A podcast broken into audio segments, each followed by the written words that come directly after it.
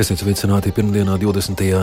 novembrī. Ir tieši 12. sāk skanēt Latvijas radio dienas ziņas. Studijā Negras Rozenbergs. Daži temati, kas izskanēs turpmākajās minūtēs. Argentīnas prezidenta vēlēšanās uzvar labēji noskaņotais un ar Trumpu salīdzinātais Milējs. Vizītē Kīvā ieradies ASV aizsardzības ministrs. Latvijā pēdējos gados ar pieaugušu tendenci izplatās leģionāru slimība.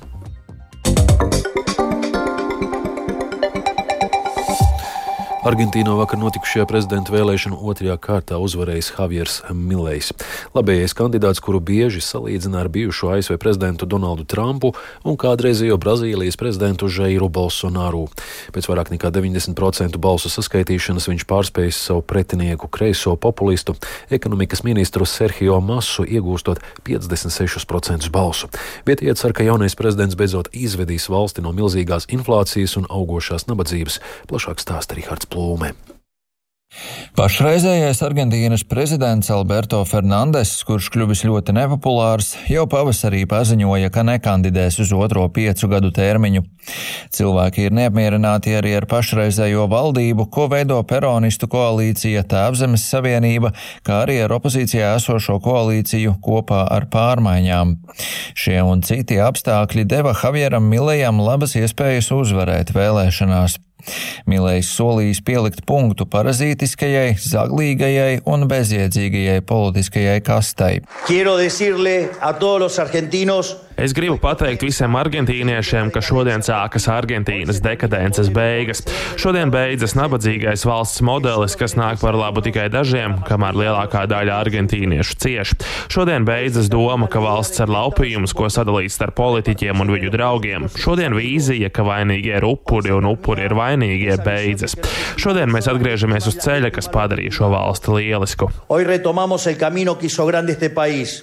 Latīņamerikas trešā lielākā ekonomika pēdējā gada laikā piedzīvojusi inflācijas palielināšanos līdz 140%. Valstī pieaugusi nabadzība un kritusies nacionālās valūtas peso vērtība. Valdība cīnoties pret valūtas rezervju samazināšanos ieviesusi stingru valūtas kontroli un noteikusi uzņēmumiem augstākus importa nodokļus. Milējs atzinis, ka valstī ir milzīgas problēmas, tostarp inflācija, stagnācija, īstas nodarbinātības trūkums un nabadzība. Milējs cer, ka problēmas palīdzēs risināt centrālās bankas likvidēšana un ASV dolāra laišana apgrozībā peso vietā. Milējam ir gana daudz atbalstītāju, un pēc viņa uzvaras Buenos Aireses ielās tas bija labi redzams. Daudziem pulcējoties ar karogiem un krekliem Argentīnas zili baltā karoga krāsās. Cilvēki ir noguruši no tā, ka dzīve neuzlabojas un cer uz pārmaiņām. Lai gan daži atbalstītāji atzīst, ka skaidri nav zināms, ko no Milēja sagaidīt, tomēr viņš vismaz esot kaut kas jauns, malks, svaiga gaisa. Es tiešām gribu pārmaiņas. Es gribu, lai šis cikls noslēgtos. Tas ir nogurdinoši. Mēs esam noguruši no nepārtrauktām ciešanām. Nevar būt tā, ka uz prezidenta amatu kandidē cilvēks, kurš mums atnesis 150% inflāciju, un papildus tam viņš mums saka, ka viņš gatavojas situāciju mainīt tad kāpēc viņš to nedarīja iepriekš? Milējs savu izteikumu dēļ tiek salīdzināts ar bijušo ASV prezidentu Donaldu Trumpu un arī kādreizējo Brazīlijas prezidentu Žairu Bolsonaru. Paralēli ekonomikas jautājumu risināšanai, lielās inflācijas un nabadzības izskaušanai, Milējs vēlas aizliegt abortus, liberalizēt ieroču tirzniecību un atvērt tirgu cilvēku orgānu tirzniecībai. Tāpat viņš solījis pārtraukt attiecības ar Argentīnas galvenajiem tirzniecības partneriem Ķīnu un Brazīliju, apvainojis pāvestu Francisku, apšaubījis Argentīnas brutālās diktatūras laikā bojā gājušo skaitu un saka, ka cilvēki nav saistīti ar klimata pārmaiņām. Rihards Plome, Latvijas radio. Lai apliecinātu Vašingtonas tālāk atbalstu cīņā pret Krievijas spēku iebrukumu, Kīvā šodien iepriekš neizziņotā vizītē ieradies ASV aizsardzības ministrs Lloyds Austins. ASV Ukrainai piešķīrušas palīdzību desmitiem miljārdu dolāru apmērā un vairāk kārt solījušas atbalstīt Kīvu tik ilgi, cik tas būs nepieciešams. Taču stingrās līnijas republikāņu likumdevēja pretestība radījusi šaubas par ASV palīdzības nākotni. Austins šodien devās uz Ukrainu, lai tiktos ar Ukrainas līderiem un apliecinātu ASV stingro atbalstu Ukrainas Indiānas cīņai par brīvību. Teikts eh, Pentagona paziņojumā par vizīti, par kur iepriekš nav paziņots drošības apsvērumu dēļ. Sauszemes operācija Gazas joslā turpinās un nogalināt vēl trīs grupējuma Hamas komandu. Tā šodien paziņojuši Izraels aizsardzības spēki. Gaisa triecienā esot likvidēta vēl viena kaujinieku grupa, kā arī iznīcināta ieroču noliktava. Gazas joslā krituši vēl divi karavīri, kopējais nogalināto Izraels karavīru skaits pieaudzis līdz 65. Tā ziņo laikraksts Times of Israel.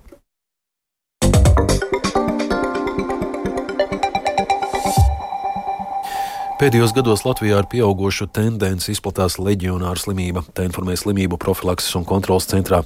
Šogad līdz novembrim reģistrēti tejus 70 saslimšanas gadījumi. Slimība joprojām vērtējama kā reti sastopama, taču inficēšanās gadījumā ir augsts nāvis risks. Vairāk par tematu stāsta Paula Dēvica. Šī gada desmit mēnešos slimību profilakses un kontrolas centrs konstatējis jau 69 saslimšanas gadījumus, ko izraisīja legionēla baktērija. To sauc par leģionāru slimību. Tajā pašā periodā gadu iepriekš tika reģistrēts 51 saslimšanas gadījums. SPKC Latvijas radio skaidro, ka jau vairākus gadus vērojama pieaugošā tendence. Infekciju izraisa legionēlu saturošs ūdens. Inficēties var ieelpojot baktēriju baktēriju saturošas aerosola ūdens daļiņas, kas veidojas, piemēram, mazgājoties dušā. Par pieaugušas izplatības iemesliem stāsta centra epidemioloģe Viktorija Leitēna. Mēs zinām, ka tika uzstādītiem kā noteikumi par ūdens um, pamazināšanas jā, temperatūru tieši dzīvojamās ēkās, uz ko arī tendence, ka legionela baktērijas vairojas. Jā, kā mēs zinām, ka legionela baktērijas vairojas, ja ūdens temperatūra ir zem 20 grādiem un uh, periodā līdz plus 45 grādiem, jo virs 50 jau legionela baktērijas iet bojā. Slimībai raksturīgs strauji sākums un augsta temperatūra, kā arī elpceļu saslimšanām līdzīgi simptomi. Var sākties arī strauja pneimonija un iznākums var būt letāls. Šogad no leģionāra slimības bojā gājuši seši cilvēki, bet pērn pirmajos desmit gada mēnešos tie bija 11 cilvēki. Mājās, kuru ūdens sistēmā konstatēta legionēla, apsaimniekotājiem ir pienākums visus iedzīvotājus brīdināt. Piemēram, Rīgas nama pārvaldnieks pastkastē Iestādēs ievieto paziņojumus ar informāciju par šo baktēriju izplatību un veicamajiem drošības pasākumiem.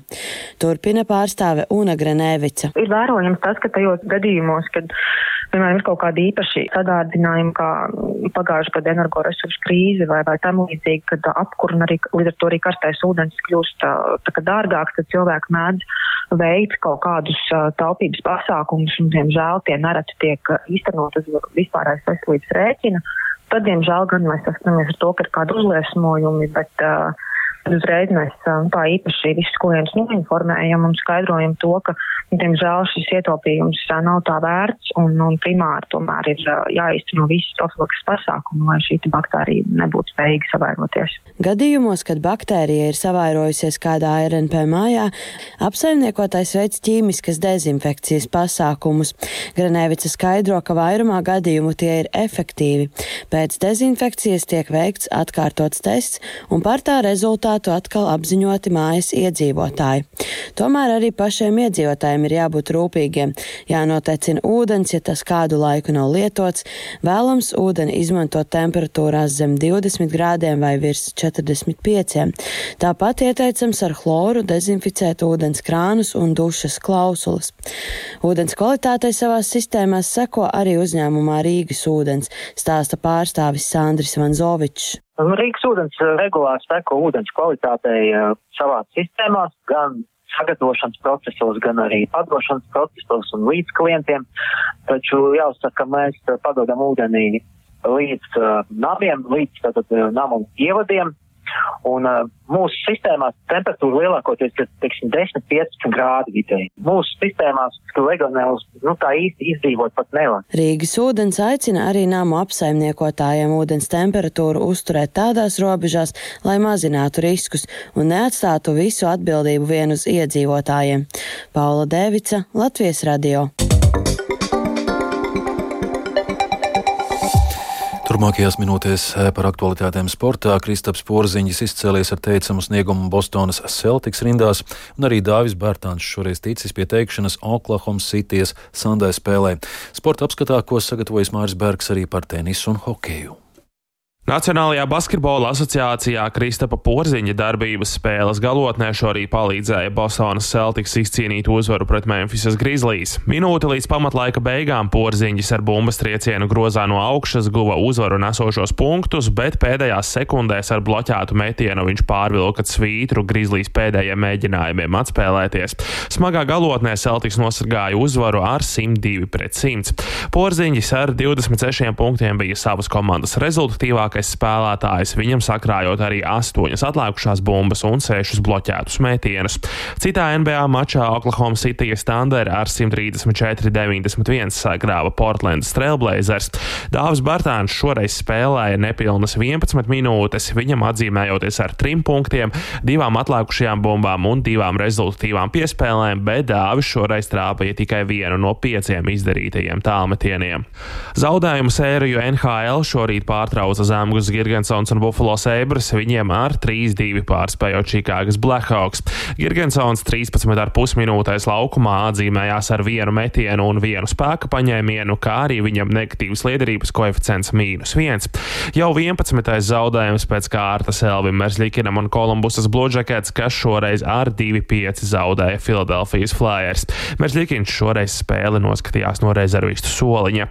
IHF kontinentālā kausa trešās kārtas pēdējā Pēdējā spēlē hokejā Latvijas čempioni Zemgala LBTU piedzīvoja zaudējumu 1-4 pret Astanas nomadu, nespējot kvalificēties turnīra nākamajai kārtai. Zemgalas labā goda vārtus guva Daniels Andersons, bet turpinājumā klausāmies Zemgalas galveno treneri Ārti Ābolu. Nu, tāpēc, ka mēs spēlējam, saksim, tā ar profesionālām komandām, un uh, mēs, mēs bijām ļoti maz uz šo komandu fonu. Es nezinu, cik es esmu dzirdējis, ka tur brīnās par nomadu sniegumu, bet nu, man sniegums nepārsniedz absolūti. Mēs ar mazu klubiņš, kurš mēģina spērt biku soli uz profesionālitātes virzienā. Cepurnos ceļiem, protams, pa pirmo spēli, kur uh, sākot ar teicām vārtarku spēli un pašaizliecīgi cīņas par un savu momentu realizāciju, tad, kā saka, vēlreiz tur cepurnos pa to spēli. Vīriešu ATP tūras sezonas fināla turnīrā septīto reizi karjerā triumfēja Serbs Novāks Džokovičs, kurš finālā ar 6-3, 6-3 sarūktināja mājinieku Janniku Sinneru. Džokovičs ar septiņiem tituliem ir fināla turnīra rekordists, iepriekš sešas reizes šajā turnīrā uzvarējis Rodžers Federers. Triumfs Džokovičam atnesa arī 4,4 miljonu eiro lielu naudas balvu, un jauno gadu Serbs sagaidīs pasaules ranga līdera godā. Turpinājumā klausāmies Novāku Džokoviču. Thought, okay. Paldies Sinneram, ka palīdzēja iekļūt pusfinālā. Kad tur iekļūt, tad sapratu, ka jāmēģina spēlēt labāk nekā grupu turnīrā, un to arī izdarīju. Nospēlēju divus augsta līmeņa mačus pusfinālā un finālā.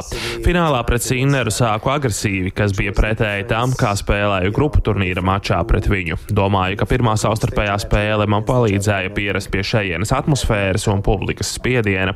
Protams, analizēju pirmo spēli un sapratu, ko tajā spēlē varēju izdarīt labāk. You know, what, what done, what Jaunā tenisa sezona gan ATP, gan WTA tūrē sāksies gadumijā ar sacensībām Austrālijā un Jaunzēlandē, kas būs iesaldīšanās pirms tradicionālā gada pirmā Grand Slam turnīra Austrālijā Open.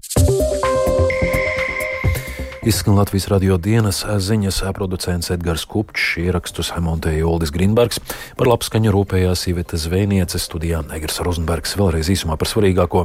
Argentīnas prezidenta vēlēšanās uzvar labēji noskaņotais un ar Trumpu salīdzinātais Milējs. Vizītē Kīvā ieradies ASV aizsardzības ministrs. Latvijā pēdējos gados ar pieaugušu tendenci izplatās leģionāru slimība. Vēl tikai par laikapstākļiem. Yeah. Galvaspilsētas centrā plus 1 grāds lēns dienvidu austrumu vējš, atmosfēras spiediens 765 mm, relatīvais gaisa mitrums 87%. Sinoptiķi prognozēja, ka šodien Latvijā gaidāms mākoņdienas laiks, dažviet skaidrosies, vietām neliels sniegs, atsevišķos posmos būs slideni ceļi. Lēns austrumu vējš, gaisa temperatūra mīnus 2,2 grādi. Rīgā būs pārsvarā mākoņdienas laiks, nokrišņi nav prognozēti. Pūtīs lēns dienvidu austrumu, austrumu vējš, gaisa temperatūra 0,1 grāds, laika prognoze otrā labvēlīgā.